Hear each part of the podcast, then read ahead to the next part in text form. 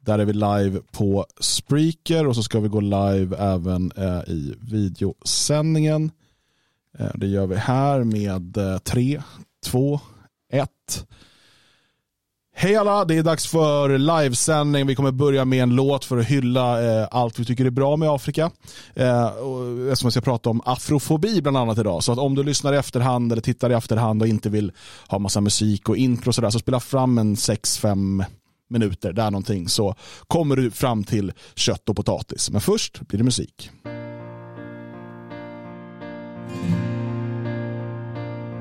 En viering bloed verdek my nou Soos elke boerenkind en vrou 'n oormag kwijl nou oor ons land staan gewapen tot die tand Sy skadu val 'n donker wolk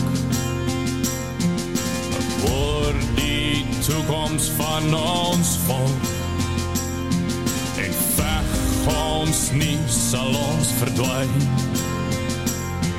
By Magersfontein, by Magersfontein, by Magersfontein trek ons die lyn.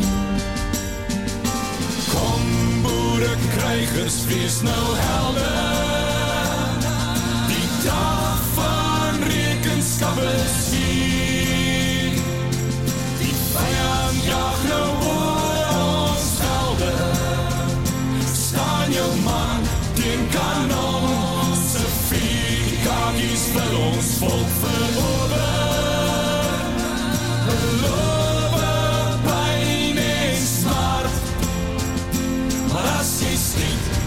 My dier. As jy skiet, skiet my dier. As jy skiet, skiet my dier. My Afrikaner hart. As jy my vra, sal ek jou sê. Hoe diep my hart se wortels lê. As jy my vra, sal ek jou wys. Dis my grond hier in my vuis. Kom boere krygers, wees nou helder.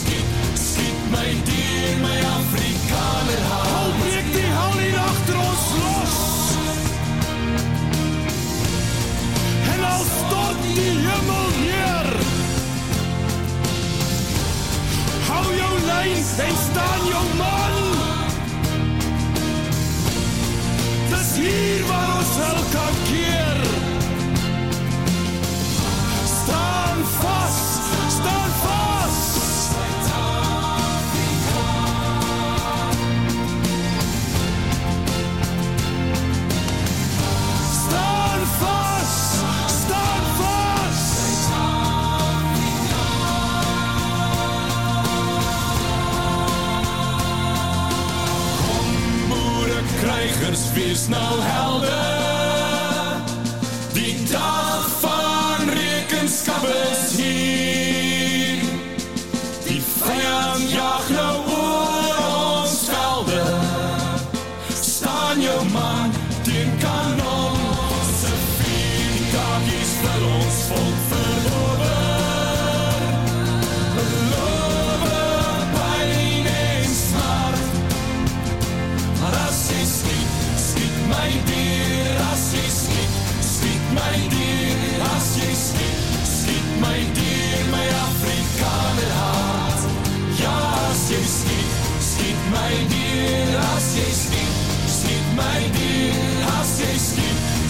mig till mig afrikaner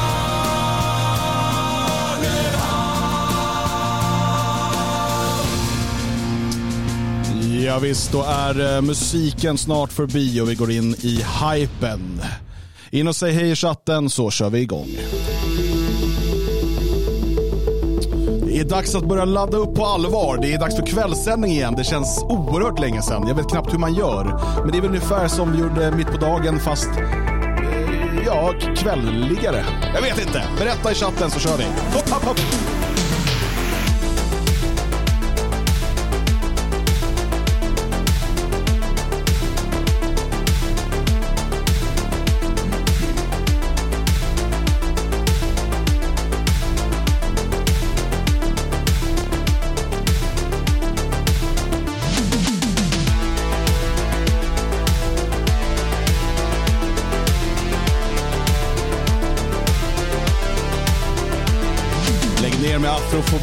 Chatten nu bara.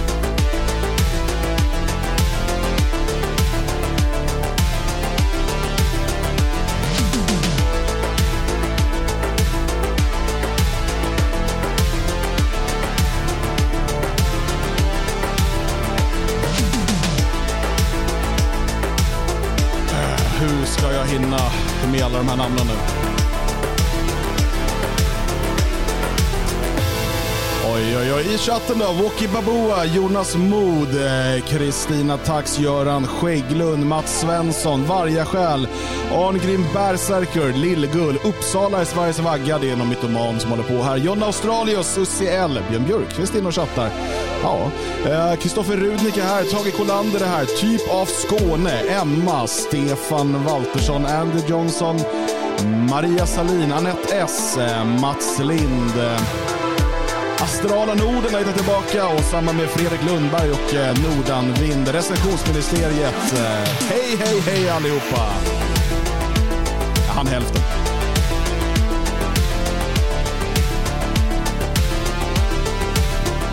Det är några, det är två som har skrivit i chatten på Spreaker. Ah, berätta, berätta. Sådana som inte vill se oss. Det är DJ Hampus, tack för helgen. Och eh, Baronen. Härligt.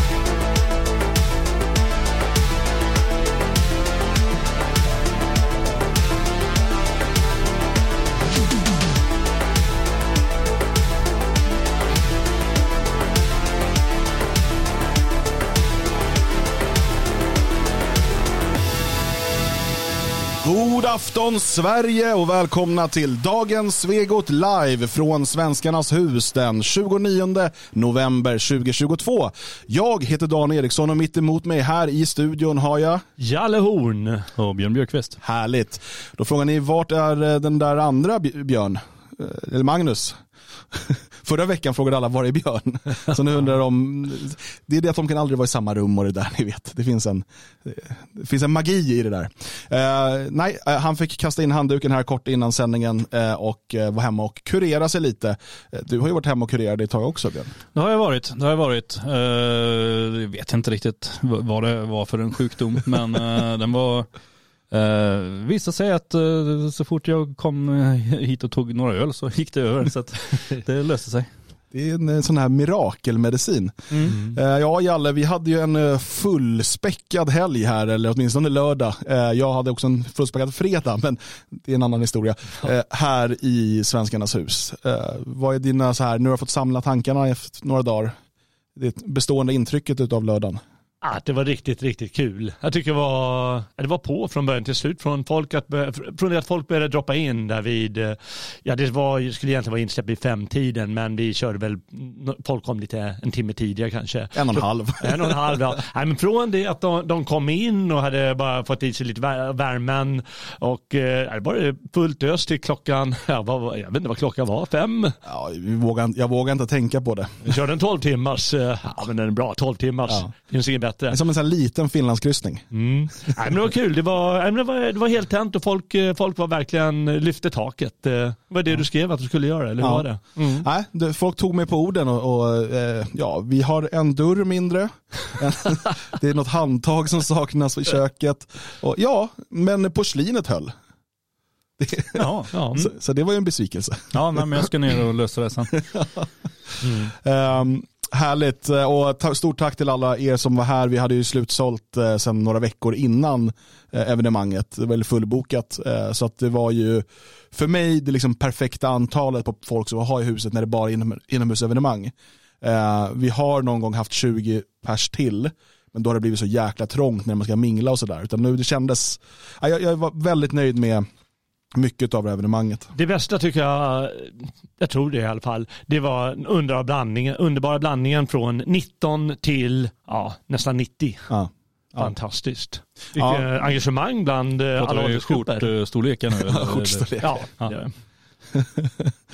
Ja, eh, kardinalen, tack själv, eh, karaokekungen där på kvällen. Ehm, tyskarna eh, hörde av sig, eh, några av dem var ju här för första gången, några av de tyska gästerna, och de var helt lyriska, de fattade inte, går det att kombinera liksom det här, det här liksom nationalistiska politiska budskapet med slager, karaoke och synthwave eh, musik från DJ och eh, en fantastisk viltbuffé med älg och hjortkött och liksom, man visste inte, är det liksom en Eh, Eh, är jag på någon så här fin middag? Är jag på ett politiskt möte? Är jag på liksom Farstas lokalkrog? Jag vet inte, men allt samtidigt så, ja, så kör man igång. Det är kul. Mm.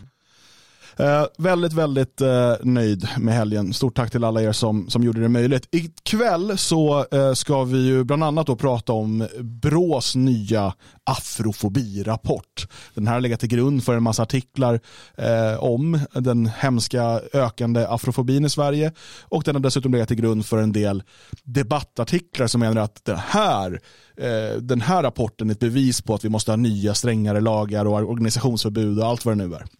Så att vi ska titta lite på den här rapporten eh, och vi kan väl redan nu avslöja att man har kokat soppa på en spik, eh, minst sagt. Ja, knappt, knappt, knappt en spik. En nubb, Ja, en liten liten sån. som häftstift. Ja. Eh, och, ja, nej, så den, den ska vi absolut kolla närmare på. Vi ska även titta på lite exempel på det totala hyckleriet ifrån mainstream media eh, när det gäller eh, demonstrationer mot eh, covid-restriktioner. De hyllas i Kina men i andra länder var de problematiska och sådär. Vi, ska, vi har lite exempel på det. Men jag tänker att vi ska börja med att återbesöka Sölvesborg. Det är sällan folk säger det. Ja, det är inte ofta, det, det är faktiskt aldrig. Jag har ändå bott i g- grannkommunen där eh, Ja. nere och det var ju aldrig att man hörde att någon sa att nej men om vi skulle åka till Sölvesborg. Undrar om det är bra reklam eller dålig reklam för stan. Där. Ja, Jag, jag, har jag vill att det ska bli 2026 nu och jag vill bara se valet och hur det ska gå för Moderaterna i valet just nästa det. år. Ja, verkligen. 0,2 procent. För att vi har ju pratat om det här tidigare. Kit Mårtensson som då har lett Moderaterna i Sölvesborg. Man gick till val på det fortsatta samstyret med Sverigedemokraterna. Eh, och eh, efter valet så fick man inte så mycket pengar som man ville ha och så fina avlönade poster och så. Innan man ens ville prata politik så ville man ha de här avlönade posterna klara. Mm. Eh, och, och då istället, ah, då kan vi väl samarbeta med kommunisterna, det spelar väl ingen roll. så att då har man gått ihop med sossarna och vänsterpartiet och sådär. Ehm, så det är en spännande, eh, en spännande utveckling och nu så har det då klubbats. Vi kan bara börja här då med inslaget ifrån SVT som låter så här. 22 röster till Louise Eriksson, 27 röster till Birgit Eriksson Brorsson. Bravo! Ja, det känns helt fantastiskt. Eh, väldigt, väldigt roligt. Vem kunde gissa det här när vi eh, efter valet på kvällen den 11 september att det skulle gå så här? Helt otroligt. Det känns så himla kul. Det var ju väntat och eh, votering är ju viktig också för att man ska kunna bevisa att man har sitt så kallade regeringsunderlag på plats. Det visade sig att man hade det. Ja, det är ju skönt att vi äntligen kommer på pränt. Ja. Det är ju det här som vi har tänkt sedan den 21 oktober och, och nu blir det ju verklighet. Det har ju varit eh, turbulenta veckor med alla skriverier och all uppvigling eh, emot eh, mitt parti främst. Så det känns bra att beslutet är fattat. Var du någonsin orolig att någon i ditt parti skulle bryta partilinjen och rösta på den andra kandidaten? Nej, absolut inte. Ja, så kramas de sossen och moderaten här. Ja. Stäm. Eh, ja, eh, Skål, skål Kit. skål Det är Kit. fantastiska politik. Ja, det kan och- aldrig gå fel. Jag menar hon eh, gick ut hårt genom att bryta löftet om vilka hon skulle samarbeta med och så gasade hon. Ja. och bara, nu ska vi dessutom rösta nej till de förslag vi själva har lagt. Och, så här, man lägger ett förslag, eh, man förbereder ett förslag innan valet och så får folk gå och rösta. Och sen så här, haha nu röstar vi nej till dem. Det är, hur kan det här vara lagligt? Hur kan det vara Ja, lagligt? det, det är jättekonstigt. Jag, jag vet, är det konstigt? Ju mer man tittar på den här människan, hon hör ju hemma hos vänstern, så är det ju. Jag, menar, jag har ofta känt att jag hör hemma hos vänstern för att jag gillar rödvin och progg liksom. Men hela hon bara skriker ju batikhäxa. Nu tycker jag du är väldigt fördomsfull Björn. Ja det är jag. Och jag försöker vara det mot människor som det inte är olagligt att vara det mot. Eller? Bra. Är hon en folkgrupp? Eh, nej, ingen folkgrupp, men hon är bra på att anmäla i och för sig, så jag tar tillbaka allt. Alltihop, det var inget. Hon ser fantastisk ut. Ja, helt underbar. Eh, nej men alltså man hade ju då, eh, då såklart tillsammans med Sverigedemokraterna förberett ett antal förslag med massa utredningar och sånt där som de här byråkratiska, demokratiska, Fast det var ju SDs förslag, sa man. eh, ja nu vart det det plötsligt. Ja. Eh, men det är ändå, det är alltså ett, en kommun där befolkningen generellt sett är väldigt nöjd med det nuvarande styret. Där man går och röstar, man, man går till val på att liksom, vi ska fortsätta med det här styret. Folk röstar på det. Det parti som växer allra starkast är då liksom eh, frontpartiet för samarbetet, Sverigedemokraterna. De andra partierna tappar. Och sen efter valet så väljer man något helt annat. Och sen sitter man och gråter ut i media gång efter annan om hur mycket hot och hur elaka folk är och så vidare. Eh, men är- är det så konstigt att folk är elaka, hotfulla, ja, kanske till och med potentiellt våldsamma mot någon som har bedragit dem på det här sättet?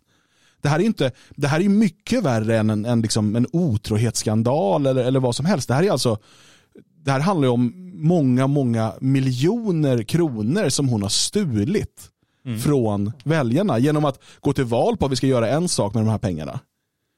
Och sen göra något helt annat i strid med det som, som man då demokratiskt har valt. Eh, och sen kan, man, de, kan de alltid luta sig tillbaka och säga Jo men det är ju representativ demokrati och parlamentarism. Det funkar ju så här. Man, man måste hitta samarbetspartners. Jo men, men du måste ju förstå att folk blir, ur, alltså blir förbannade. Ja, det är skillnad på, på att eh, kompromissa lite grann och ändra lite hit och dit och sådär mot, mot att totalbyta block och tvärvända. Liksom. Det, det, det här är ju det här är ju ett förräderi mot de egna väljarna. Eh, framförallt mot dem, men- sen, sen även mot alla andra som har liksom röstat för det blocket. Mm. Eh, så det är klart att folk har anledning att vara förbannade och jag såg att någon hade, det är också en sån här lustig grej, hennes dotter är också invald i fullmäktige. Det är liksom, det, Är det, familj- är det hon som är moderat. könsbytare eller? Eller homosexuell eller något sådär? Ja, det vet jag inte. Jag, jag bara såg att hon hade fått sina möbler nedkastade i någon å eller vad det var. Ja, det var hennes dotter? Ja, Ja, påstår hon. ja, ja påstår hon. Men jag menar, ja, jag vet inte. Jag skulle kunna åka ner och göra det. Ja, men alltså, det är inte omöjligt att, att det har skett. Men återigen, utan att uppmana till folk att ska göra det, men det är inte konstigt att folk reagerar så. Alltså eh, om, om vi tittar i, i något annat land, något land som kanske då svensk media inte tycker om, ifall där eh, en politiker bedrar folket och stjäl deras pengar och gör andra saker än vad han har lovat med dem och folk då går och kastar någons möbler, då är det inte så att svensk media skulle fördöma det, utan de skulle fråga sig varför störtar ni honom inte? Ja, ja nej, nej, visst. Ja. Men, men här då för att, och det är så uselt av Tänk om någon hade tagit en stol som typ så tillhörde Berlusconi och kastat i en vattenpöl någonstans. Svensk media hade ju jublat. Det hade varit helt underbart. Nu när jag tittar mer på den här bilden också, är det så att hon har en parkbänk som är färgad som en sån här regnbågsflagga? Ja, jag tror det. Men det är något med hennes dotter. Någonting, någon av dem är könsbytare eller homosexuell eller något sånt där. Mm. Ehm, Ja, så hon ja. har lite sina personliga intressen i det där. Hon påminner faktiskt om moden på något sätt. jag menar, någonting med blicken. Ja. Någonting, någonting som sa, saknas där. Ja, låt oss kolla på det här inslaget också då. På måndagen väljs det nya styret i Sölvesborg. Omröstningen har tidigare lagts efter att flera moderater med Kit Mårtensson i spetsen fått utstå en hat och hotstorm på grund av det politiska sidbytet. En av dem som har drabbats är Diana Sjöström. Jag tycker personligen tycker det är fruktansvärt tråkigt eh, och med personangrepp som har varit på detta viset. Jag, ty jag tycker det är fruktansvärt trist och jag tycker det är ett hot för demokratin för att jag har funderat på att- att hoppa av. Det är alltså ett hot för demokratin. Hörde du detta? Fantastiskt. det, det är extremt demokratiskt. Fatta vilken, en sån förening vill man ju se, hot för demokratin. Ja. När, när man blir påhoppad rent privat om att man är en fruktansvärd människa och sådär, det, det tycker jag inte. Men men det är så här rent privat. Det är alltså, var går gränsen då? Då får man inte klaga på hur hon är som människa. Ja, fast det är väl, jag menar rent priv- de, de kontaktar väl henne på jobbet liksom? Alltså, Ja, det är ju på- det är inte på grund av liksom hennes skoval som de attackerar henne. Kanske för att hon har fula möbler möjligtvis. Ja, Men- det var det då. Men antagligen säger de du är en fruktansvärd människa. men ja. vad ska de annars säga? Du är en fruktansvärd Men politiker. det är hon ju, alltså rent, rent objektivt. Hon har ju ljugit för Ja, sina är väljare. Hon, Ja. hon är ju en Hon har ju tagit emot människa. pengar för att eh, rösta mot alla principer. Och mot demokratin. Ja. Inte man ska behöva bli. Det tycker jag inte. om. Jag tycker inte man ska behöva få sitt hus äggat och, och sina... Där har vi bänken då. Ja, bänken, den berömda. Tagit upp den igen. Är det hennes bänk det där verkligen? Eller är det en gammal bild? Jag vet inte. Va- Varför står den i hamnen? Vad, vad är det för kopp då? Frihet, står det. Med regnbågsfärger. Aha. utemöbler slängda i hamnen och allt vad jag har fått. Liksom. Det, det, jag tycker inte det är okej. Med en historia som VD för Svensk Minknäring och klubbchef i Mjällby AF är nyblivna moderaten Jörgen Martinsson van vid allvarliga hat och hot. Innan sidbytet presenterades varnade han partikamraterna för vad som kunde vänta. Då visste vi ju att det här var ett eh, kontroversiellt beslut. Och eh, jag visste också vad som komma skulle och eh, försökte förklara och förvarna de personer som jag eh, såg framför mig skulle bli mest utsatta. Sen har man inte varit med om det tidigare så eh, blir det ändå en chock när den första vågen kommer. Sen eh, tyvärr vänjer man sig ju mer man får vara med om det. Så, kan det som om inte vi får vara med om saker och ting. Ja, eh, det är ju, ja, återigen, det är liksom det här gnället och grinet eh, och, och vi ser det hela tiden och nu har man alltså röstat igenom det här nya styret och det första liksom egentligen man går ut med är att man ska gå emot de förslag om man var med och förberedde och drev fram innan valet. Det är ju liksom åter ett svek, för det är inte så här nog med att Ja, nej, men vi vill samarbeta med Socialdemokraterna, men vi vill fortsätta driva den politik vi talade om innan valet. Nej. Utan man liksom också byter politisk fot och går emot sina egna förslag. Det, är- jag vet inte om det finns något liknande, men att folk inte följer sina vallöften händer ju ofta. Men det här är ju det här är ju något i hästväg. Ja, ja men jag, kan, jag är fortfarande förstummad. Jag kan inte kommentera det. Jag vet inte vad jag ska säga. Det, men, det, det går, det, är så här går det inte till. Okej om det är krig, om det är eget val. Och så bara blåljuga och göra tvärtom. Men... Jag tycker det var smart. Hur, jag menar, hur många moderater är frågan om här? Hur många moderata politik, politiker har följt den här partilinjen? Nej, de, det är eller, inte så eller många, det, det är ju ett ganska litet uh, fullmäktige. Det är ju så litet att man hade egentligen bara ett heltidsbetalt kommunalråd. Mm, Eh, och, och det har varit så. Och grannkommunen där som hade två då är ju typ dubbelt så stor. Mm. Nu har ju Socialdemokraterna då, nu får ju Socialdemokraterna eh, liksom makten så att säga. Mm. Och då har de av en slump inva, in, här, infört också en andra heltidsbetald kommunalrådspost som går till Kit Mårtensson då. Så eh, det är ju dessutom var ingen som gick till val på att vi ska ha ytterligare några miljoner till att betala kommunalråd här. Det tror, jag inte, det tror jag inte nämndes i valet. Rösta på oss ingen- det är så blir det valvinnare på det sättet. högre kostnader för pol- politiker. Men eh, jag saknar fortfarande någon som tar vår sida i hela den här, eh, vad som har presenterats i olika medier. Nämligen som säger, men vad är, vad är det för skurk? Varför är det ingen som säger det någonstans? Mm. Jag menar, det måste ju finnas, jag menar, även inom politiken så förs ju sådana här samtal att ja men det där var ju verkligen fel, hur kan man göra på det där sättet? Men det var helt tyst. Ja. Ja, men, och medierna är ju så förblindade i sitt hat mot Sverigedemokraterna att de kan inte ha en, en, liksom en objektiv och nykter analys av det här. För att byt ut det mot vilka partier du vill, själva förfarandet är ju oacceptabelt. Eh, Men just för att det är Sverigedemokraterna som drabbas och vänstern som gynnas så, så väljer man, för att normalt sett hade man gärna slagit mot Moderaterna. Mm. Men här blir det min fiendes fiende är min vän. Ja, Eh, det. och, och eh, därför så väljer man istället att prata om problematiken med att eh, de får utstå hot och hat. Man pratar om eh, att Sverigedemokraterna är dåliga förlorare.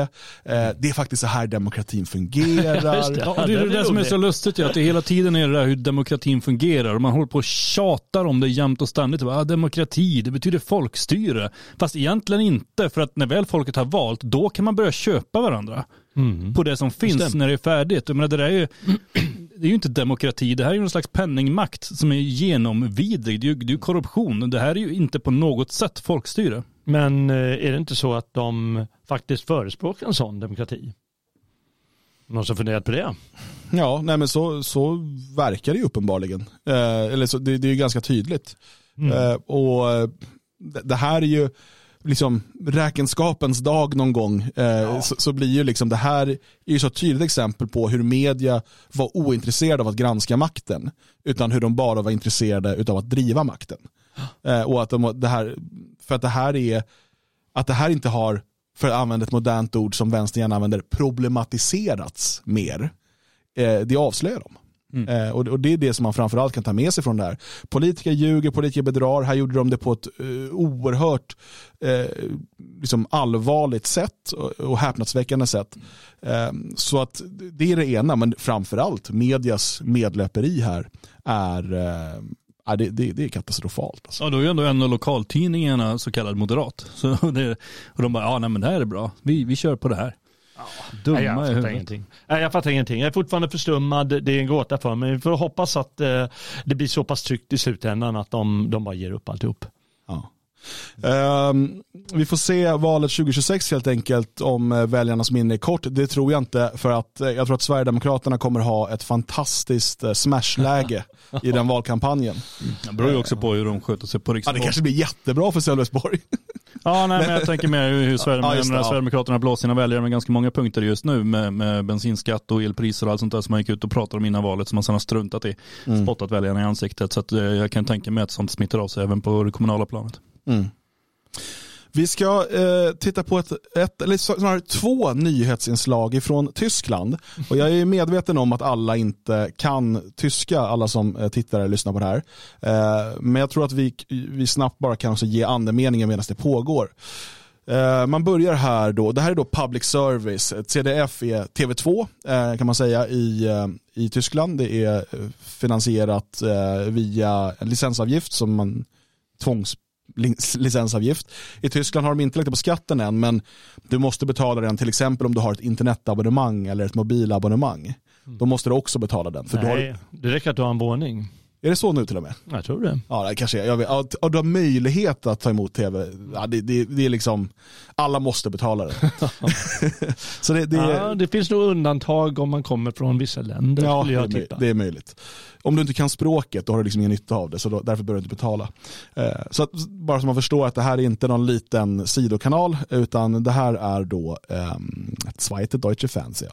Aus China erreichen uns Bilder. wie Och här visar man då bilder ifrån Kina, protesterna mot eh, covid-restriktionerna. solche Flut von Videos um die Welt geht, ist bemerkenswert. Offenbar kommt die Staatszensur mit dem Löschen nicht hinterher. Steht auf, alle, die keine Och att eh, nu lyckas inte censuren stoppa det här den här gången. die extremen Corona-Maßnahmen. Wir wollen keine Corona-Tests, wir wollen Freiheit. Doch nicht nur in der Hauptstadt. Auch in Wuhan oder Lanzhou trauen sie sich auf die Straße. Demonstranterna ropar vi vill inte ha coronatest, vi vill ha frihet. Die Menschen wehren sich. Die Människorna Menschen för, försvarar sig. ihre Meinung zu sagen in einem Land ohne Meinungsfreiheit. De försöker säga sin åsikt i ett land utan åsiktsfrihet. Ja. Nu är vi tillbaka eh, 18 november 2020. Här är bilder från Berlin i samband med att man ska i Bundestag rösta igenom eh, nya eh, lagar som ännu mer eh, inskränker människors friheter att kunna röra sig och, och gå till jobbet och sånt. Här protesterar man då mot obligatoriska tester, eh, det kommande vaccinpasset som, man redan, som man då sa att nej, det, kanske inte kommer, det kommer nog inte komma någon vaccinpass, det vore väl konstigt. Men man protesterade mot det och eh, mot nedstängningar, lockdowns och så vidare. Samma kanal. Gegen Mittag beginnt die Polizei damit, die Demonstrationen im Berliner Regierungsviertel mit Wasserwerfern aufzulösen. Här ser vi alltså hur eh, polisen skjuter med vattenkanoner mot demonstranterna. Tausende Gegner der Corona-Schutzmaßnahmen sind hier unterwegs, um gegen das neue Infektionsschutzgesetz zu protestieren, über das im Bundestag gerade abgestimmt wird. Die Stimmung seit Tagen aufgeheizt durch die Behauptung, ein Zitat Ermächtigungsgesetz passiere das Parlament. Ja, och eh, att stämningen har trissats upp eh, på grund av de här ryktena då om att det här ska bli, leda till mer eh, indragna friheter. Lange, um, Här har vi alltså då reporten från CDF som frågar den polischefen, den polisansvarige här, varför tar det så lång tid för er att röja upp den här platsen? Aus, aus Sicht der Polizei da die Schwierigkeit? Dann kann man jetzt auf jeden Fall sagen, wer sich bei dieser Demo nicht mit Corona angesteckt hat, der wird mit dank der Wasserwerfer sicherlich einen fetten Schnupfen davontragen. Aber aus Berlin war es das jetzt erst. Och så slutar de att skratta och säga att ja, vem som, den som nu inte blir smittad av corona under demonstrationen kommer åtminstone från vattenkanonerna få en ordentlig förkylning. det var roligt. Det är alltså samma public service, samma tv-kanal som beskriver samma typ av demonstration i två olika länder. Det ena är deras eget land och där beskrivs man, och där, det finns ju massor av exempel, de är extremister, coronaförnekare och så vidare. Eh, Medan i Kina är de frihetskämpar och, och liksom vi måste typ skicka vapen till dem eller någonting. Och, och den kinesiska staten, de har ingen yttrandefrihet. Polisen slår till mot demonstranterna. Och sen bara, här i Tyskland, vattenkanoner och bla bla bla. Det var till, det dog, det var till och med så att det dog människor under, inte just den här, men andra sådana här coronademonstrationer. Mm. Efter att polisen hade misshandlat dem. Ja. I Tyskland. Mm. och så sitter man där, de dumma kineserna. Ja. Och, och, jag menar, vi pratade om det här häromdagen och jag menar ju fortfarande, det är klart att förtrycket på många sätt är mer explicit och hårdare i Kina. Men ser de inte liksom eh, ser de inte hyckleriet i det de håller på med här? Nej, jag tror inte de gör det. Jag tror att de är, de bara skiter i det. Jag tror att de är skrupellösa. Ja, Det, det är så, det är så, annars skulle de ju han skulle väl fifflat med framställningen och, och gjort den retoriskt annorlunda. Nej, jag tror att de känner att det var rättfärdigt det vi gjorde här för ett år sedan. Men eh, det är orättfärdigt det kineserna gör. Mm. Jag tror det. Jag tror, inte de, jag tror de skiter i det bara. Mm. det är jättekonstigt och, men... Och, och, för mig blir det här, när man har gått igenom några sådana här äh, kappvändningar ifrån makten och från liksom mainstream media och sådär, så börjar man ju känna igen det här mönstret. Vi alla har ju ganska färskt i minnet 2015, 2016, så kallade flyktingkrisen. Mhm. Hur man går från mitt Europa bygger inga murar till att vi måste stänga gränsen. Och, vi, sen, och sen tar det två veckor till. Vi har alltid varit för en hårt reglerad invandring. och nu är alla så här att vi måste ha kontroll, vi får inte bli för många. Och då har man, eh, var det Billström som, som för en 10-15 år sedan pratade om volymmål. Och det var en stor skandal. Och nu står liksom hans parti och sossarna allihopa och säger att man måste ju alltid ha koll så det inte är för stora volymer. Mm. Stäm. Och, och, och enda anledningen till att de gör så här som jag ser det, eller den stora anledningen, det är att de kommer ju undan med det gång på gång. Alltså, var är liksom, här återigen, mainstream medias ansvar? Att bara vänta, det här är ju hyckleri, det här är fel, vare sig det är politiker eller andra. Ja, men grejen är ju att människors minne är ju så pass kort. Men om, om man eh, tänker typ så här som alltid brukar tas fram och jämföras med sen 1984 när det står en människa och jobbar med att stoppa saker i minneshåll. Det behövs ju inga minneshåll. Eh, vi har ingen minneshåll idag utan människor missar det ändå och glömmer det. Nu har någon klippt ihop två filmer här men de flesta ser ju inte det. Nej. Utan de flesta tyskar bara, eh, ja det, det är för jävligt det de håller på med i Kina. Och sen samtidigt eh, så sitter de där, ja det är för jävligt det i Sverige där de inte har så mycket restriktioner. Hur, hur kan de ha det så? Eh, livsfarligt att de inte tänker på, på sina medmänniskor. Eh, så funkar människor. Och det behövs inga minneshåll. Det handlar ju om vem som har makten. Som du var inne på här. Jag menar, vilka är det som eh, visar alla de här klippen? Jo, det är ARD och ZDF eh, och så några andra nyhetsprogram. Och det finns inga alternativ i stort sett. Eh, Det är ju så. Nu, nu är det ju många i Sverige som kollar på alternativmedia. Det är, ju, det är det ju faktiskt. Men eh, jag tror nästan det måste komma på de, de stora mediesajterna för att det ska verkligen nå ut ordentligt. Det, det bara är så. Det är så sorgligt. Och jag tror att de är väldigt medvetna om det här. Och därför känner de att vi kan göra vad vi vill. Och det är det som är det fruktansvärda i saken. Ja men så är det, det måste gå riktigt långt. Alltså, Eh, jag menar, I Sverige har, har ju alternativmedia lyckats så pass långt så att mm, till exempel Expressen har börjat skriva sina element på brottslingar. Vilket man aldrig gjorde innan internet. Eh, om det inte var vita brottslingar, för då kunde man gå ut med det väldigt ingående. Men, men eh, alltså man höll på med vitpixling till exempel till och med, när man pixlade om för hudfärgen på människor. Så här. Allt sånt har man fått lägga av med på grund av att alternativmedia i Sverige har blivit så pass stark. I Tyskland har det väl inte slått igenom på samma sätt? Eh. Nej, ehm, och där har du ju också en stor skillnad mellan öst och väst ska sägas. I stort sett alla de här stora demonstrationerna eh, och, och liksom motstånden mot det här är ju i forna öst. Mm. Ehm, medans eh, forna väst då känns mycket mer som del av zombieverkstad bara. Där är det ju 30% som röstar på de gröna och sådär. Liksom. Det, det så så det, du har ju den, den skillnaden. Men, och alternativmedia i Tyskland, det finns ju, men den, den är ju mycket mer på ett sätt nischad. Där har ju, eh, vad ska man säga, den, den populistiska alternativmedien i Sverige har ju lyckats slå brett, alltså Fria Tider, Samhällsnytt och vad de har hetat innan, genom att vet, hä- hänga ut brottslingar, det är sånt som får spridning. Medan tysk alternativmedia, de är jättebra på att skriva långa akademiska texter om problemen. Och det når ju en viss procent, men, men du, du får inte det där stora genomslaget. Det- Ehm, Det är samma som jag, jag prenumererar exempel på den här Compact Magazine och den, Mm. den har ju en ganska stor upplaga, säljs i många kiosker och så. Men jag har svårt att se med att liksom, eh, herr Müller går att ta, ta till sig av den. Mm. Det, det, som, det som funkade det var ju de här demonstrationerna som var ganska stora i, i både Berlin och eh, framförallt nere i Sachsen och, och på en del andra håll. Eh, och de här så kallade måndagspromenaderna Mm. som eh, lockade till sig ganska mycket folk och polisen var ju alltid där och förstörde och eh, liksom höll ju kvar människor ett par timmar i, i december. Eh, de fick bara stå där i en ring och vänta på, på någon sorts anmälan som polisen skulle upprätta. Eh, Så det blev ganska stort men ja, som alltid när det ebbar ut då, ja, då, då blir det ingenting. Jag tror att det behövs liksom någon starkare rörelse ungefär som arbetarrörelsen kanske var in på, lite in på 80-talet i Sverige. Och eh, Sverigedemokraterna har ju tagit över i, inom så här LO och sådana grejer och jag tror att de har som en långsiktig plan att erövra de här människorna för att eh, någon dag kunna dra fram sådana demonstrationer eller något sånt. Eh, vi får hoppas på något liknande i alla fall, för det är ju ett sätt att väcka massan eller få den att agera och då blir ju, då blir ju faktiskt makten rädd. Mm. Ja, Det är enda sättet. och det kan man säga, de, är fort, de demonstrerar ju fortfarande tyskarna. Alltså det är ju, varje måndag är det hundratals demonstrationer och det är, alltså totalt är det många tusen som, som går i de här demonstrationerna. Eh, men det blir ju mycket bara en rutin och det är ju så här första gången man samlar många, då blir det ju wow, när man har gjort det eh, hundra måndagar i rad eller vad man är på nu. Så är det, det blir inte någon, någon stor nyhet av det. Och, eh, jag var, deltog på några sådana i Saalfeld som var min närmaste större stad.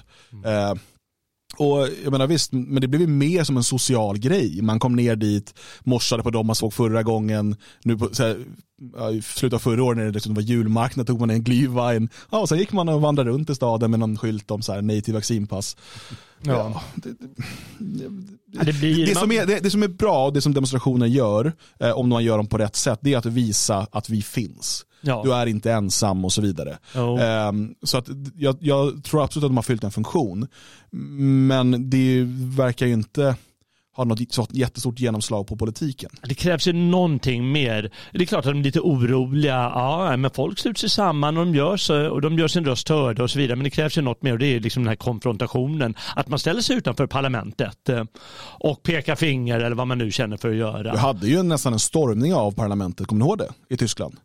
Eh, vid en av de här större demonstrationerna. Ja, det var ju mycket Eh, folk. Ja, ja, det var ju folk. De sprang ju upp på trappan till riksdagshuset och, och sådär. Och, så, och det blev ju... Och då blir de ju rädda. Då fattar de att fan, vi ligger lite pyrt till Mm. här. Och eh, först då är de ju oroliga, men om man bara går eh, ungefär som en ringdans i längden, nej, men det är klart de är inte oroliga då. Mm. Utan det måste till konfrontationen. Mm. Ja, eh, i Tyskland nu kan man bara säga då att eh, i stort sett alla restriktioner är borta. Det är ju fortfarande då tvång på mask eh, i kollektivtrafik. Jaha. Eh, Ja, det det. Och eh, hos läkare och sånt där. Inte i affärer och så? Nej, inte nu, men man har ju pratat om att det kanske ska införas igen. Ja. Om det här incidenstalet som man pratar om, det går upp och sådär. Men vadå, måste, måste de inte ha i sjukvården längre? Jo, i sjukvården. Ja, där precis. måste man ha det. Precis. Och när man åker tåg också Ja, måste man ha precis. det. Mm. Ehm, och, ehm, så att eh, vi får se Skolor nu. och så? Nej. Och det man har sagt nu till den här vintern då, eh, om, de har ju alltid den här statistiken, går, går det upp så här mycket. Eh, och jag vet inte hur mycket man testar nu, för det var också en stor skillnad. I, när, när vi bodde där Jalle, då testade de ju barnen i skolan. Mm. Eh, hos oss testade de två eller tre gånger i veckan tror jag. Eh, och eh, till slut hittade de ju någon. pengar man har slösat på det här. alltså. Ja, verkligen. det är helt, verkligen. helt absurt. Och det är omöjligt att dra sig ur heller. Men vi, vissa av oss försökte ju att tvinga våra barn, men grupptrycket är enormt. Jag Mm. fattar ett barn som säger så här, nej jag tänker inte testa mig minsann. Det blir jättesvårt. Men Samtidigt Ja, man så står politikerna där och bara, ah, men vi måste förbjuda plastsugrör för klimatets skull. Men vi ska ha de här testerna tre gör- gånger i veckan. Nu berör vi faktiskt väldigt viktiga saker här. Plastsugrör. Ja, Hämta ehm, lite kaffe va? ja, gör det. Ta in termosen hit så kan vi fylla på våra, våra koppar. Eh, så att vi får se hur Tyskland utvecklas i vinter. Men just det här hyckleriet, alltså de, de, det, det är ju kognitiv dissonans alltså. Ja. Det är så här, man måste ju, som någorlunda tänkande tysk, måste man ju se på det här och bara, men vänta, vad, vad är stora skillnaden? Visst, det är lite hårdare i Kina, absolut, de svetsar igen dörrar och sådana saker, men det är fortfarande, det är ju Ja, men du vet, de har gjort så stora uppoffringar människor. Jag, jag känner åtskilliga som inte åkt på semester. Man skit, de, ah, men jag fick corona och åkte inte på semester. Jag sa, skit i det, fan åk ändå, ljug bara att du, nej, det var negativt. Och så vidare. Men nej, de har gjort så stora uppoffringar så de är villiga att, eh, att glömma det där. Bara glömma alla problem och sen så säger, peka finger åt kineserna. Ja, ehm, de kinesiska demonstranterna har i alla fall mitt stöd, men det hade de tyska också, så jag är ingen hycklare. Nej. Ja. Jag stödjer ju bara de kinesiska. Precis som makten. Ah, smart, just det. Tyskarna får skylla sig själva. De, har- de har en historisk skuld att betala ändå. Så. Ja, till skillnad från kineserna. Ja, kineserna däremot, som aldrig har gjort något, begått något övergrepp. Um, hörni, jag tänkte vi ska gå in på det som är huvudtemat för eh, kvällens sändning. Eh, kul att så många kommer in i chatten. Och jag måste bara säga en sak att eh, nu har vi ju sänt på dagtid under så lång tid. Eh, jag känner igen några namn, men det är också väldigt många namn som man inte såg på dagtid. Mm. Det är alltså människor med jobb. Nej, men, och det är lite kul att se att det här är bra med att sända kväll ibland. Eh, att vi, vi kan eh, nå eh, lite andra personer också. Eh, hoppas eh, ni tycker om det och att ni fortsätter komma in på tisdagskvällar och eh, Eh, titta eller lyssna. Och är det så att du dessutom vill ha tillgång till alla våra poddar, vi har ju också fem Dagens Vegot som podcast, alltså inte video och som inte är direkt sen, men som kommer ut eh, varje vardag. Då går du in på svegot.se support, tecknar en stödprenumeration. Dels så ser du till att vi kan göra det här och dels får du då tillgång till de här fem extra poddarna, vad man ska kalla det för. Vi har gjort två stycken hittills den här veckan igår om de här marockanska kravallerna i Belgien eh, och de kinesiska demonstrationerna. Och eh, idag så eh, pratade vi om när Kenny West och eh, Milo Yiannopoulos och eh, Nick Fuentes, vilka namn. Vad, vad, vad hette den där eh, gre Mm, grek, lite på honom. grekisk-klingande mannen? Yiannopoulos. Ah, ja, ah, ja okej du menar honom. Eh, de var på besök hos Tim Pool och det blev en cirkus eh, och det pratade vi om i en halvtimme idag. Eh, väldigt intressant, Jag hoppas du har möjlighet att lyssna på det. Ehm, så låt oss gå in på den här rapporten då. Brottsförebyggande rådet eh, i sanningens tjänst har nu tagit fram en rapport åt oss. Hur står det egentligen till med afrofobin i eh, gamla Sverige? Eh, den har fått det mycket smickrande namnet rapport 2022 7. Mm. Varför måste de alltid se ut sådär också? Jätteful rapport. Tror du någon har fått betalt också för att ta fram det där omslaget? Oh, ja. Ja, men de har, jag tror de brukar se ut sådär, fast lite olika färger. Alltså tänk att få eh, någon sorts prenumeration på att ge ut så här, statens offentliga utredningar eller de här rapporterna och allt vad det är. Alltså, Ja. Vilken guldgruva.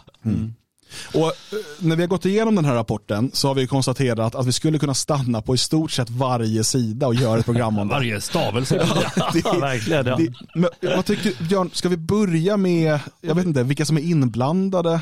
Kan kan inte jag få Eller- börja? Ja, du får börja- Jag, du får börja. jag måste visa mitt Ja. afro, afrofoba jag genom Ja. att säga så här beter man sig inte i det här landet som det står på sidan 37 som ett typiskt afrofobiskt eh, sätt att bete sig. Bara så ni vet det. ja, det Gör inte det offentligt. Ja, ja, det, är ju lite exempel på vad som är afrofobi och det är ju tydligen då bland annat det du berättade. Ja. Men nu kan, du berätta, Obehagligt. nu kan du berätta från början tack. Ja, nej jag vet inte, jag tittar lite grann på vilka som har skrivit den här avhandlingen. Det verkar ju vara några gamla bråbyråkrater som eh, mest syns i de sammanhangen, alltså lite socionomutbildningar och sånt där. Eh, sen har man ju blandat in ytterligare några människor. Det var Tobias Hübinette bland annat som har faktagranskat rapporten.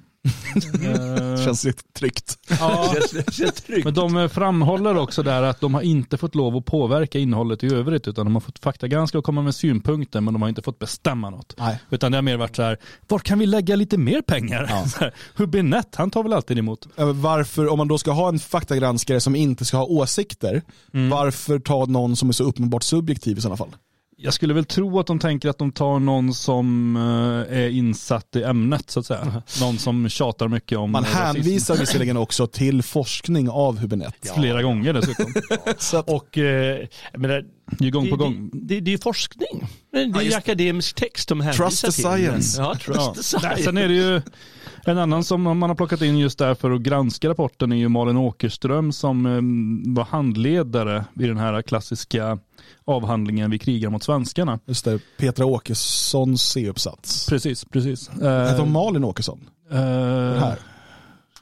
eh, Åkerström. Åkerström, okej, och Åkesson var, Petra var, hon var asiat, hade asiatiskt ursprung, var hon som skrev den tror jag. Eh, det minns jag inte. Jag, Ja. jag bara kände igen det där namnet Ja. och blev tvungen att börja googla och så visade det sig att det var hon där. Eh, Så att hon har ju varit inblandad åtminstone i en avhandling åt, eh, som har blivit uppmärksammad åt andra hållet så att säga. Medan Hübinette är en sån som väldigt eh, ofta lyfts fram just av vänstersinnade och han är ju gammal vänsterextremist själv också med härstamning från antifascistiska aktion och liknande. Jag vet inte om han varit medlem men definitivt inblandad i, i den formen av verksamhet och sen var med och startade Expo tillsammans med andra Och militanta. misstänkt för mordet på nationalisten Anders Gustafsson. Eh, Ja, som han dessutom, och att han var misstänkt för detta mord har han ju använt för i så hotbrev till någon ex-flickvän eller vad det nu var, jag minns inte exakt. Mm. Eh, men, men så att han har skrutit med det för att visa på sin våldspotential. Mm. Eh, vilket för mig låter nästan som ett tyst erkännande. Aha. Ja, det är ju absolut. Ja, sen har han ju fortsatt då som, som akademiker. Eh, men, men även dömt, så det var väl någon mordbrand och så även under sin eh, akademiska karriär som har blivit och så, men, men mindre, av mindre politisk karaktär, utan då var det väl någon flickvän som fick något uppeldat. Minns inte riktigt exakt. Eh, men, eh, och det har jag lärt mig att när jag inte minns helt säkert så är det lika bra att ta avstånd direkt också. Det Ja, eh, i alla fall påpeka det så att man inte begår förtal. Ja, Kanske man gör ändå, jag vet inte. Men eh, akademiker tror jag att han vill klassa sig som i alla fall, det kan jag nog med säkerhet säga. Han jobbar väl i- vid Karlstads universitet nu. Mm. Ja. Eh, fått en specialtjänst där som handlar just om eh, Kritiska vithetsstudier va? Ja, och det är väl mycket just fokus på, på eh, mot asiater och sådär. Det är en fråga han brinner för av någon anledning. Mm, Adop- adoptionsfrågor och så pratar han mycket om. Eh, när det gäller det formella skulle jag också vilja säga att eh, om man tittar på referenser, det vill säga litteraturförteckningen, där kan vi prata en ekokammare som heter duga. För allting handlar om samma sak.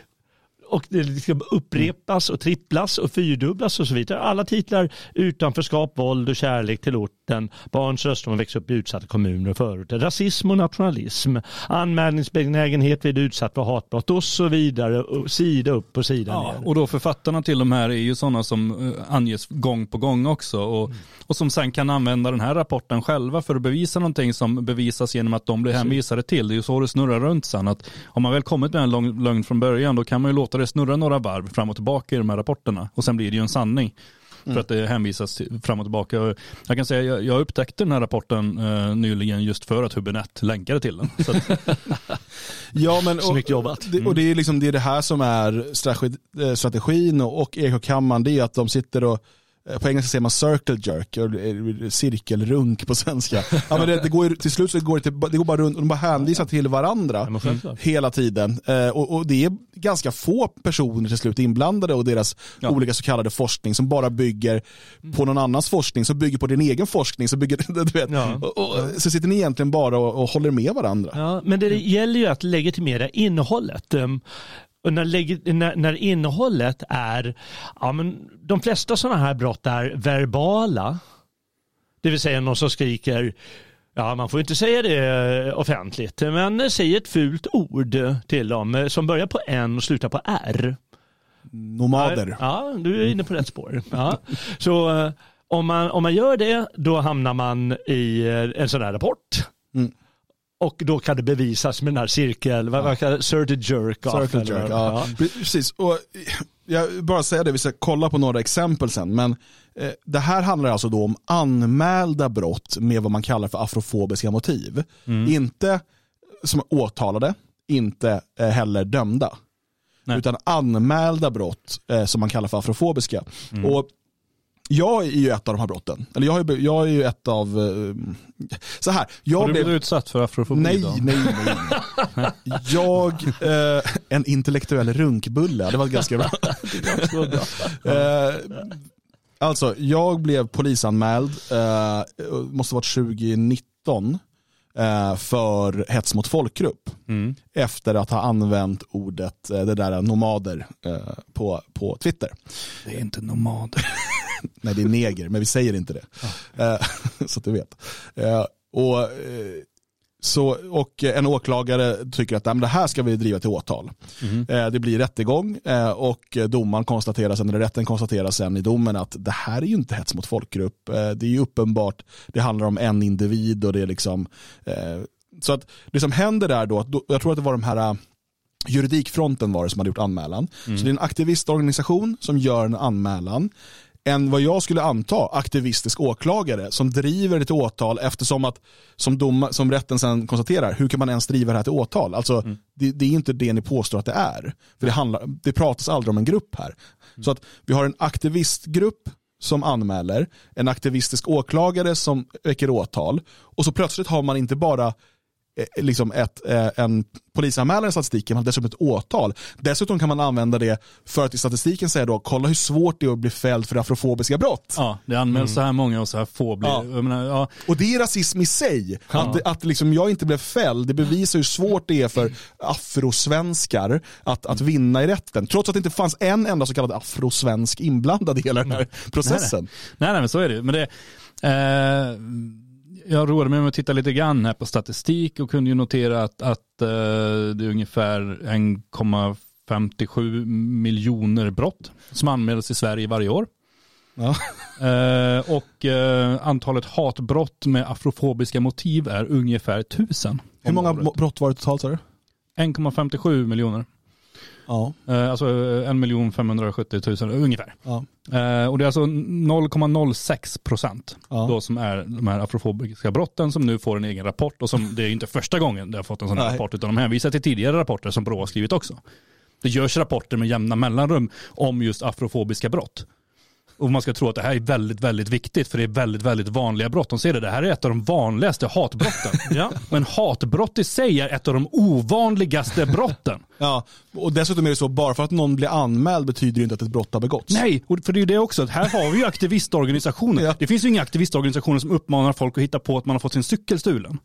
Det finns, ingen, det finns ingen organisation som anmäler stölder så här. Ah, nu, nu uppfattar vi att den här killen skriver på Twitter att han kan nog ha blivit bestulen på en cykel eller så har han supit bort den. Men vi gör en anmälan åt han. Det, det förekommer inte. Det finns inte. Men det finns det just när det kommer till hatbrott. Där finns det flera organisationer. Det är olika alltså, etniska organisationer, intresseorganisationer som gör anmälningar. Och sen dessutom då såna här allmänt antinationalistiska organisationer som arbetar med det här på heltid, som är statligt bekostade för att anmäla sådana här, leta efter sådana här brott och anmäla dem. Och ändå blir det 0,06 procent av de totala antalet brott som anmäls. Det, det är ju... Det. Och det är det här jag menar, som vi menar i titeln med koka soppa på en spik. Ett häftstift. Ja, för eh, man gör en hel rapport här. Vi pratar alltså över 60 sidor eh, och som dessutom får genklang i media och så vidare. Eh, och eh, som bygger på noll och ingenting. Och man pratar ju då, eh, låt oss gå till 98 sidor. Är det så långt till och med? Ja, det fortsatte ner här. Jag såg att någon i chatten konstaterade att ni är fortfarande på innehållsförteckningen.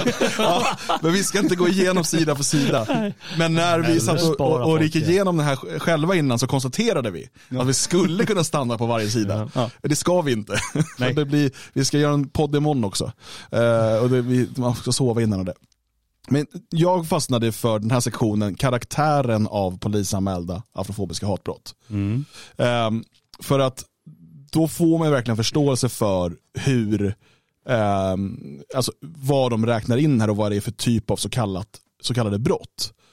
Man skriver då att ofredande och ärekränkning är vanligast, men även en hög andel våldsbrott. Alltså ofredande och ärekränkning. Här pratar vi ju struntbrott. Ja, ja, självklart. Vi- Brott vet jag inte om jag vill ha med i ordet. där. Nej, alltså det, det är liksom någon blev lite ledsen. Mm. Du gjorde mig ledsen i ögat. Eh, och, och, och när man liksom fortsätter att kolla här då, så det är alltså då 23% av de här så kallade afrofobiska anmälda brotten är ofredande. 21% är ärekränkning. 18% är då våldsbrott, 15% olaga hot, 10% hets mot folkgrupp klotter, 10% hets mot folkgrupp ej klotter. Så 10% och det är då på nätet oftast har de skrivit sen. Ja. Och 10% är klotter. 10% av de här det är alltså anmält klotter. Ja. 10% av alla hatbrott mot afrikaner i Sverige är klotter. Ja. vad, vad är det ens? Är det, jag, vet Ja, jag vet inte vad det ska stå i så. Jag har sett det en gång det stod på en vägg, stod så stod det bara neger. kan det vara sånt? Kan, kan det vara ett sånt brott? Jag vet inte. Ja. Eller om Eh. det är mer ingående så här, eh, alla från Afrika är dumma. Jag vet inte. Jag har aldrig sett något sånt. Men det kanske finns. I de anmälda hatbrotten förekommer även uttryckta svarta perso- personer beskrivs som bidragstagare samt ombeds åka citat hem till Afrika. Slutcitat. Eh, och sen står det, Men det var- kan väl inte vara ett brott att Nej, men det, någon? man kan ju anmäla någon för det. Jo, Man kan ju anmäla folk hela tiden, det betyder inte att det är ett brott. Nej. Och det är därför, den här handlar ju inte om brott. Det här handlar ju om hur aktiva har aktivistorganisationerna varit. Hur lättkränkta är anmälarna? Det är ju Ja. det man borde skriva rapporter på. Var tionde anmälan innehöll uppgifter om att gärningspersonen i samband med brottet uttryckt ett politiskt missnöje eller samhällskritik. Exempelvis ifrågasatt varför skattepengarna ska finansiera invandrares uppehälle. Eller lämnat lappar med budskap så, så som bevara Sverige svenskt. Det måste ju vara klistermärken de anmält. Men vänta nu, vad, vad sa Klister, men då- då är väl inte afrofobiskt bevara Sverige svenskt? Men om en afrikan har sett det. Ja, nej, men det tänkte jag också på. Jag förstår inte sammanhanget. Så kan man inte göra. I flera av dessa fall finns referenser till politiskt parti. Alltså, det är ju alltså klistermärken Jag de pratar om. ett klistermärke från typ eh, Sverigedemokraterna. Ja. Moderaterna kanske? Ja, jag vet inte. Eller Socialdemokraterna? För det står att de- det i mindre utsträckning så förekommer det också hänvisning till grupperingar med radikal nationalistisk agenda såsom NMR eller KKK. Ja. Eh, men det, Dessa KKK-kampanjer. ja, ehm, Det eller att det också kan vara att man har påstått att den europeiska kolonisationen kan ha varit positiv. Mm. Ja men det måste... Det är det här man bygger det på. Mm, och det är det, klart. det är liksom, det är ingenting. Det finns ju ett antal då våldsbrott och många av dem är också nästan ingenting. Det är någon som har puttat någon i skolan och sådär. Det var det de, för de har som typexempel sen. Eh, och skulle man då koka ner det här, vi säger då till, till de få fall som finns, men det finns säkert sådana där någon har blivit överfallen bara för att han är afrikan. Jo men, jag så, jo, men det, det finns ju, för det såg jag i den här rapporten, för de hänvisar ju till det här fallet i Klippan. Vadå 93? Eller? Nej, jag tror det var senare, va? 98, 99 Ja, någonstans. Ja, men- Det hänvisar de till. Så det, det är ju inte så att det är jättevanligt, men Nej, visst, visst men förekommer det det. kan hända, det har säkert hänt. Och det, det kan, säga att det hände en gång per år då. Ja. Det verkar inte så, för då skulle de haft ett nyare exempel. Ja. Men vi säger att det gör det. Ja, men då får, skriv en rapport om det då. för att det här är ju patetiskt. Ja. Och vad, vad, det här går vi säkert att begära ut och någon av er eh, duktiga eh, tittare och lyssnare, ta gärna kontakt med Brå och begär ut eh, vad, vad allt det här har kostat. Just Det vore kul att få veta vad det har kostat att eh, ta fram den här rapporten. Mm. För den har inte varit gratis. Det är många, många tecken så att säga. Ja, det är, det är klart. Många inblandade. Mm. Ja, nej men för, för, för att eh, illustrera, som står här, hur otroligt löjligt det här är och hur intetsägande det är, så vill jag också citera här lite de så kallade fem typfallen. Ja. För att illustrera karaktären av afrofobiska hatbrott sammanfattas här resultaten i form av fem typfall som har identifierats i de studerade polisanmälningarna. Dessa är varken ömsesidigt uteslutande eller heltäckande. Nej, vad är de då? då? När det gäller att beskriva den afrofobiska hatbrottsligheten i Sverige. Men de motsvarar scenarion som är återkommande i anmälningarna. Exemplen är fiktiva, jaha okej, men skildrar händelsernas typiska förlopp och omständigheter. Då har vi typ 1, angrepp från främlingar. Jaha, någon främling som ropar något fanskap till Ja. ja. ja, ovanligt. Och det står där ärekränkning är den vanligaste brottstypen. Ja, just det. Ja. Okej. Typfall 2, hot och våld i skolan. Oj, oj, ovanligt. Ja, det, det är något som bara drabbar, afrikaner tänker jag. Ja, självklart. självklart. det vet man ju. Eller typ all tre trakasserier från grannar. Ja, men, hur tror du att du är om du bor i Flemingsberg? Jag, jag, jag ser nattbuss 807 fram, framför mig. Det är Få damm på korven! Det är typ den typen av saker jag ser passera. Hatbrott på arbetsplatsen. Jag menar om du jobbar i hamnen där i Götet, ja, men det är hårda killar som jobbar där. Nej men det kan ju vara just där. arbetsplatsen kan ju vara till exempel om, om man, man eh, har någon, jag kan ju säga ett exempel, jag har jobbat i flyttbranschen. Mm. Så fick man in folk som eh, kom dit och sen stod de bara ute och rökte. Då kunde man ju säga att hallå, här jobbar vi. Det är Och det har ju du precis berättat. Ja, jag har ju sagt här hur det är. Ja. Oh, jag känner mig verkligen, eh, ja, jag går och gråter lite där borta. Innan jag tar typfall 5, hat mot svarta som grupp. Och nu pratar vi ett gediget hat. Vissa är väl ju fiktiva Ja, det är riktigt mot men- hela alla samlas då och blir mottagare av, Jajamensan. av detta hat. Ja, Och då, Får jag bara säga, exemplet då från anmälningarna som man tar här, då står det så här. I en sluten Facebookgrupp har en medlem kommenterat en artikel om gängkriminalitet. Med fy fan jävla pack, när ska politikerna fatta? Ger gladeligen skottpengar till den som skjuter en av de där n-orden. Ja. Näthatsgranskaren, alltså han Thomas Åberg, har anmält inlägget till polisen och tagit reda på användarens identitet. I förhör medger han att han skrivit inlägg men bestrider brottet med hänvisning till yttrandefrihet. Alltså, det är alltså någon som blir förbannad efter någon sån här skjutning eller någonting med gängkriminella och tycker, och de är ju ofta det där n-ordet då som man inte får säga tydligen. Eh, Alltså negrer. Jag känner mig som Kenny West här när man kan inte hålla sig. Eh, och eh, och så, eh, så skriver han att de är ett jävla pack. Och att man skjuta ut, skjuter en av dem där. Ja det är ju inte alla. Han, Nej, utan de här ju inte. gängkriminella jävlarna. Det är ju somaliska gäng Det är ju de som har begått brotten ju han skriver om. Det fattar ju vem som helst. Så bara, är, är, är kriminella en folkgrupp nu? Liksom, ah, du får inte lov att säga att du vill ha ihjäl kriminella för att då är du ute på halis. Eller visst, det kanske man kan tycka att man är för att vi har inte dödsstraff och sånt. Men det är definitivt inte hets mot folkgrupp. Det är ju bara dumt. Men jag, jag tycker ju nästa exempel är snäppet bättre. En fastighetsskötare anmäler att någon har klottrat n-ordet och ett manligt könsorgan på en högstadieskolas fasad. Vilket, Om man lägger ihop de två grejerna blir det ett eh, ord som folk tycker är lite lustigt. Ja, framförallt så här. När småungar klottrar, då klottrar de hakkors, snoppar och eh, skriver neger. Typ. Alltså, det Ja, är, men saker man, som är lite förbjudna. ja, precis. Det är liksom det som är poängen. Det, då, då, då är det, Ja, det är så sorgligt. Jag menar, vi gör oss ju lustiga här. Vi kan inte låta bli för det är så sinnesrubbat. Ja. Pa patetiskt. Men nej, de tar det på allvar. Jag tror de tar det på allvar, idioterna. Ja, eh, det, det här är, och som sagt, det här är då eh, skattefinansierad eh, blaj som, och den, saken är att den här rapporten kommer ligga till grund för debattartiklar, motioner i riksdagen och den kommer hänvisas till som ett bevis på hur hemskt det är att vara svart i Sverige. Eh, och, och, eh, och som sagt, det är säkert ehm, eh, som, ska man säga, oskyldiga svarta i Sverige som någon gång har fått höra något de inte borde få höra. Så. Jag menar, men det bor 10 miljoner människor här. Folk säger elaka saker ibland. Men, Ja, men saken är ju också, jag menar om vi tar som i skolor till exempel.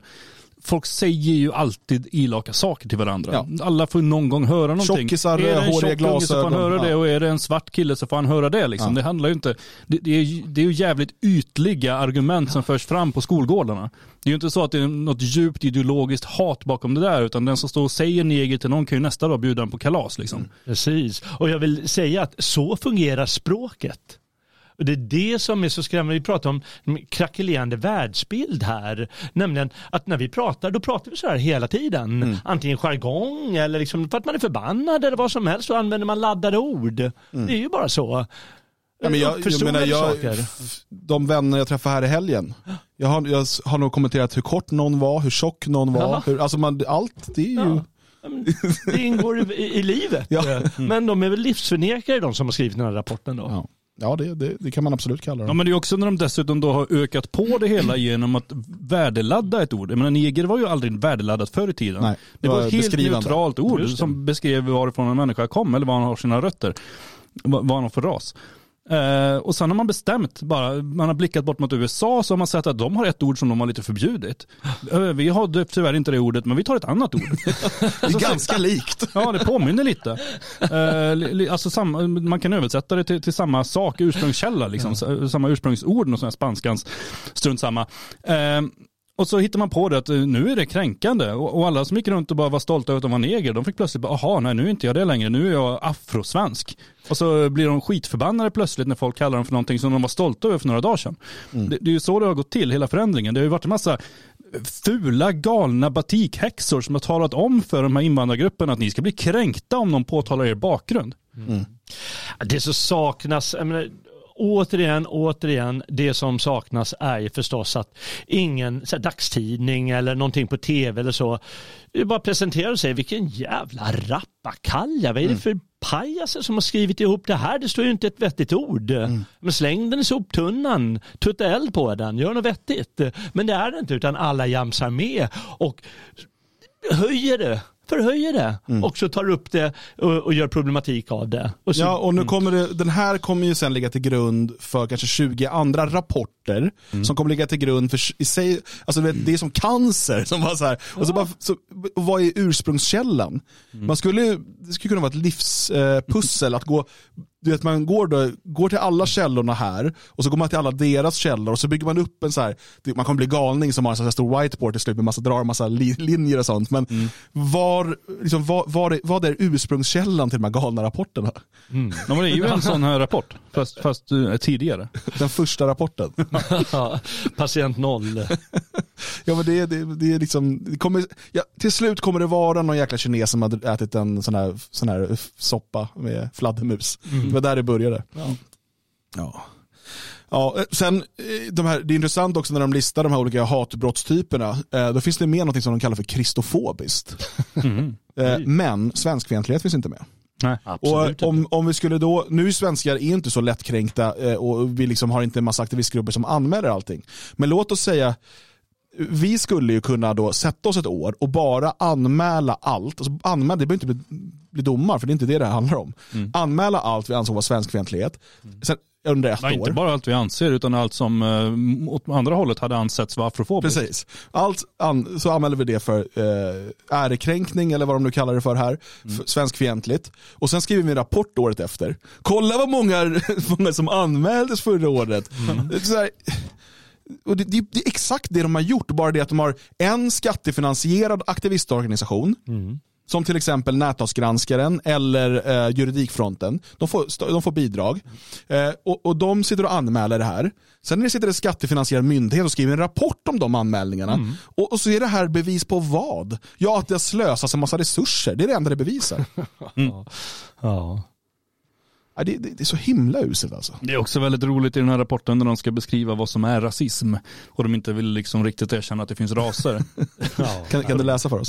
Nej, jag har inte det framför mig nu för att jag eh, kom, kom bara på det nu plötsligt. Ska se om jag kan eh, söka fram det. Eh, rasism. det, förekommer 102 gånger i texten. Ja, ja. Vad är afrofobi och vilka är afrosvenskar? Är det den du tänker på? Kan vara, kan vara. Jag minns inte riktigt. Jag stod och letade här. Afrofobi syftar på en fientlighet som kan omfatta allt från fördomar och negativa attityder till särbehandling och övergrepp mot människor som har sitt ursprung i subsahariska Afrika. Eller som tillhör den afrikanska diasporan. Varför måste det vara subsahariska? Därför att det är bara de som var negrer förr. Aha. Men Sydafrika är subsahariska Afrika? Mm. Ja, det, det, är, det är så långt Ja. söderut det kommer. Ja, fast det, de räknas ju inte. Nej, nej, det finns faktiskt vissa som inte räknas här på jorden. Okej. Mm. Eh, man ytterst handlar det dock afrofobi om rasism som riktas mot människor på grund av deras hudfärg. Och då hänvisar man till Hubinett med flera 2014. Och lite kärla. Hudfärgen indikerar ett afrikanskt ursprung och det är framförallt föreställningar om ursprunget, det vill säga vad det innebär att vara från Afrika, som leder till utsatthet. Det är värt att notera att fobi i sammanhanget har en överförd metaforisk betydelse och inte avser fobi i traditionell mening. Okej, ja, det, är- det är mycket om det här. Sen har vi det. I en rapport om afrofobi som är framtagen av Mångkulturellt centrum, Hubinett med flera 2014. Man hä- hänvisar också till Victoria Cavese, alltså gamla ordföranden för Fi. Ni vet, eh, Var inte hon som åkte tunnelbana? Ja, och hittade på att hon hade blivit utsatt för ett hatbrott. Ja, just Eh, Och sen avslöjades av en övervakningskamera att det inte alls var sant. Just det. Och som också avslöjades med att hon inte riktigt skrev sina avhandlingar riktigt själv. Ja just det, precis. Det var någon plagiathistoria där. Eh, och, Då skulle man kunna säga att typiskt henne att vara lat, så har det blivit en ny anmälan. Ja, just det. Så jag säger och, inte och det, det, är de här, det är de här liksom, eh, mytomanerna och aktivisterna som man hänvisar till som forskning. Men, men det, går- det går ju ännu längre. För eh, de, de, för ett resonemang här om den nya rasismen som de kallar för kulturrasism. För det är ingen som tror på det där på rasskillnader i grund och botten längre efter eh, 1945. Och, eh, Jag känner några. Ja, jo, ja, men, eh, ja just det. Ja, det finns ganska många på jorden. Nu skulle vi säga 95 procent av de flesta på jorden eh, tror det. Men forskarna här de menar att det inte är så. Eh, och så försöker de säga vad som är den här nya rasismen med kulturrasism och så vidare. Men Sen så vill de eh, eh, att det finns en forskare som heter Leach poängterar dock vikten av att inte överdriva skillnaderna mellan gamla och nya rasismen. För du ska nämligen skuldbeläggas för den gamla rasismen också. Det säger han givetvis inte men det är väl vad de menar. Och så håller de på så hela tiden för att, eh, att ladda det så mycket som möjligt. Men så skriver han så här, eh, i det här fallet handlar det om en föreställd gemenskap baserad på hudfärg, där medlemmarna tillskrivs egenskaper som anses vara medfödda och oföränderliga. En sådan dikotomi förstärker gemenskapen och samhörigheten under den ena gruppen och pekar ut dem som annorlunda. Eh, Det var, det var den formuleringen jag var, var ute efter förut där som blir så himla roligt när de håller på och tjatar på. För att samtidigt som de gör det så säger de så här att begreppet afrosvenskar har funnits sedan början av 90-talet då det myntades av Afrosvenskarnas riksförbund. Det är alltså en förening som har gått samman och startat ett förbund där de kallar sig för afrosvenskar. På grund av deras hudfärg? Ja. En upplevd eh, gemenskap? En upplevd gemenskap. Och, och då rasismen mot dem beror på att man andra tycker att de har en upplevd gemenskap. Ja. Och sen måste man ju återigen tänka på att Sverige var fram till 70-80-talet ett av världens mest homogena länder. Ehm, jag menar det var fortfarande så här när man ska referera till någon svart i Sverige så var det fortfarande, vet han, Bodin, eller vad kallar Ba- Badan. Ja, Det var ja, d- först var det ju han i några hundra år, sen blev det Dr. Alban. Ja, det är liksom, ja men det var däremellan visste vi inte om att det hade varit svarta i Sverige liksom. Nej. Kanske var någon på besök och någon sådär men. Ja, det fanns några stycken som, Ja. men, Men, men, men det var ju liksom 99, över, långt över 99% i Sverige var vita. Eh, och Det var liksom bara självklart. Och då är det klart, när, när sen under bara några decennier det förändras så drastiskt som det har gjorts, så är det inte så konstigt att vi som minns, antingen som själva eller någonstans i folkminnet, att en gång i tiden såg det inte ut så här. Att det då man också ser att det finns ett vi och dem, det är väl inte så himla underligt. Och, och alla folk som engagerar sig i etniska intresseföreningar ser ju det här, som afrosvenskarna, eller eh, judiska församlingen. Ja, eller... så här, jag har en, jag har en kamrat, eller hade en kamrat som eh, var lite nationell och sen slutade han vara det och skaffade sig en kolsvart flickvän. Eh, och jag såg han på Facebook sen några år senare och, och såg att han hade varit hos eh, sin sambos föräldrar och firat jul. Ja. Eh, och så såg jag då foton från julbordet och så det fanns inte en rätt som jag kunde namnge. Det fanns inte något jag kände igen. Det fanns ingen gran, det fanns ingen julskinka. Det, det fanns alltså vare sig mat eller andra kulturella attribut som man känner igen från den svenska julen fanns där. Utan det var ju helt främmande allting liksom. Det de åt och det, det de um, hade och hur de hade klätt sig och allting. Eh, så att jag menar, det, är ju sådana kolossala olikheter. Ja, och, det är ju inte inbildat. nej precis, och vad skulle då din gemenskap med den här kvinnans familj vara? Eh, det skulle då vara att ni bor inom samma stadsgräns. Ja. Det är det som så här, men det är den riktiga gemenskapen. Det är inte mycket att bygga all, på. allt, att ni, de som delar språk, kultur, historia och blodsband, det är en upplevd, påhittad gemenskap. Mm. Däremot att det har ett pass, det är en riktig gemenskap. det, det är ju det är bara fjantigt liksom. Det är som att eh, som den gemenskap du tror dig känna med din familj, den är också bara påhittad och upplevd. Egentligen har du exakt samma gemenskap med vilken familj som helst. Mm. ja, dumheter. Det är väl bara så man kan, eh, man, så man kan konstatera det. Ja, eh, imorgon så kommer en ny då, vad ska man kalla det, extra podd är det ju inte, det är ju våra dagliga poddar. Eh, och den kommer ut imorgon eftermiddag. Vi kan inte komma ut med den på förmiddagen. Jag kan inte berätta varför förrän i podden imorgon. Då ska jag berätta allt om vad jag har utsatts för under förmiddagen. Eh, så att eh, du får gärna vara med och lyssna då. Du vet ju om du ska få tillgång till alla de här poddarna och inte bara tisdagskvällens sändningar så eh, behöver du bli stödprenumerant och det blir du på svegot.se support. Jag tänkte att vi skulle avsluta med lite afrosvensk musik. Ja, jag använder begreppet afrosvensk lite Ehm, lite ironiskt. Men, men det är en av afrikanskt ursprung som bor i Sverige som har gjort låten. Ehm, och eh, det är på ett tema som passar för det här tänker jag. Uh, så att vi avslutar med den och tackar så mycket för att ni var med oss den här kvällen uh, och tittade eller lyssnade, vare sig ni gjorde det live eller i efterhand. Vi kör som sagt tisdagskvällar 20.00 framöver eh, och eh, varje vardag kommer det dessutom ut en podd på svegot.se. Nu blir det musik och vi tackar för oss och önskar en fortsatt trevlig kväll.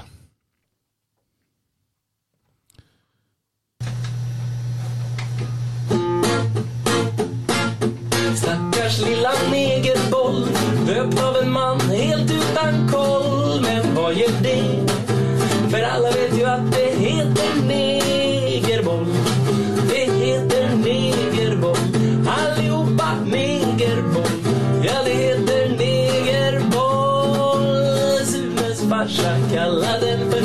För Weinerbröd. Men egentligen så var ju pappan bara rädd. För vad mannen svart som natten skulle tro. Om man hade sagt att denna negerbollen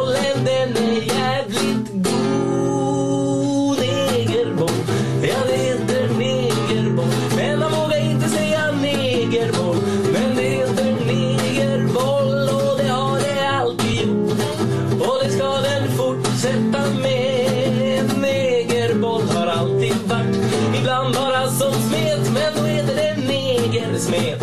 Ja, det heter negersmet. Jodå, jag lovar negersmet.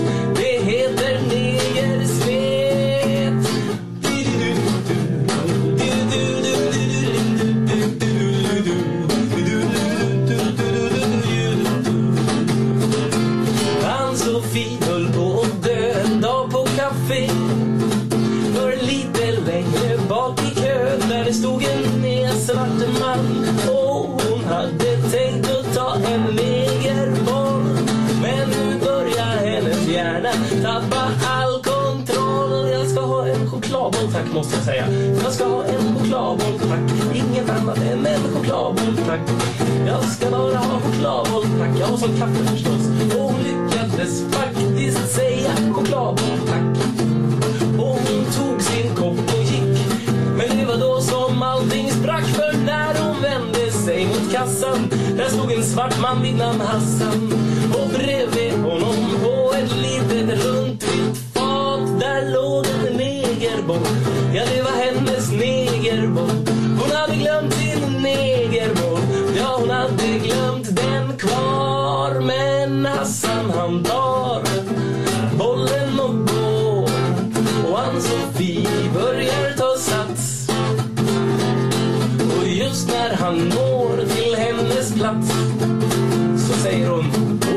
chokladboll, negerjävel?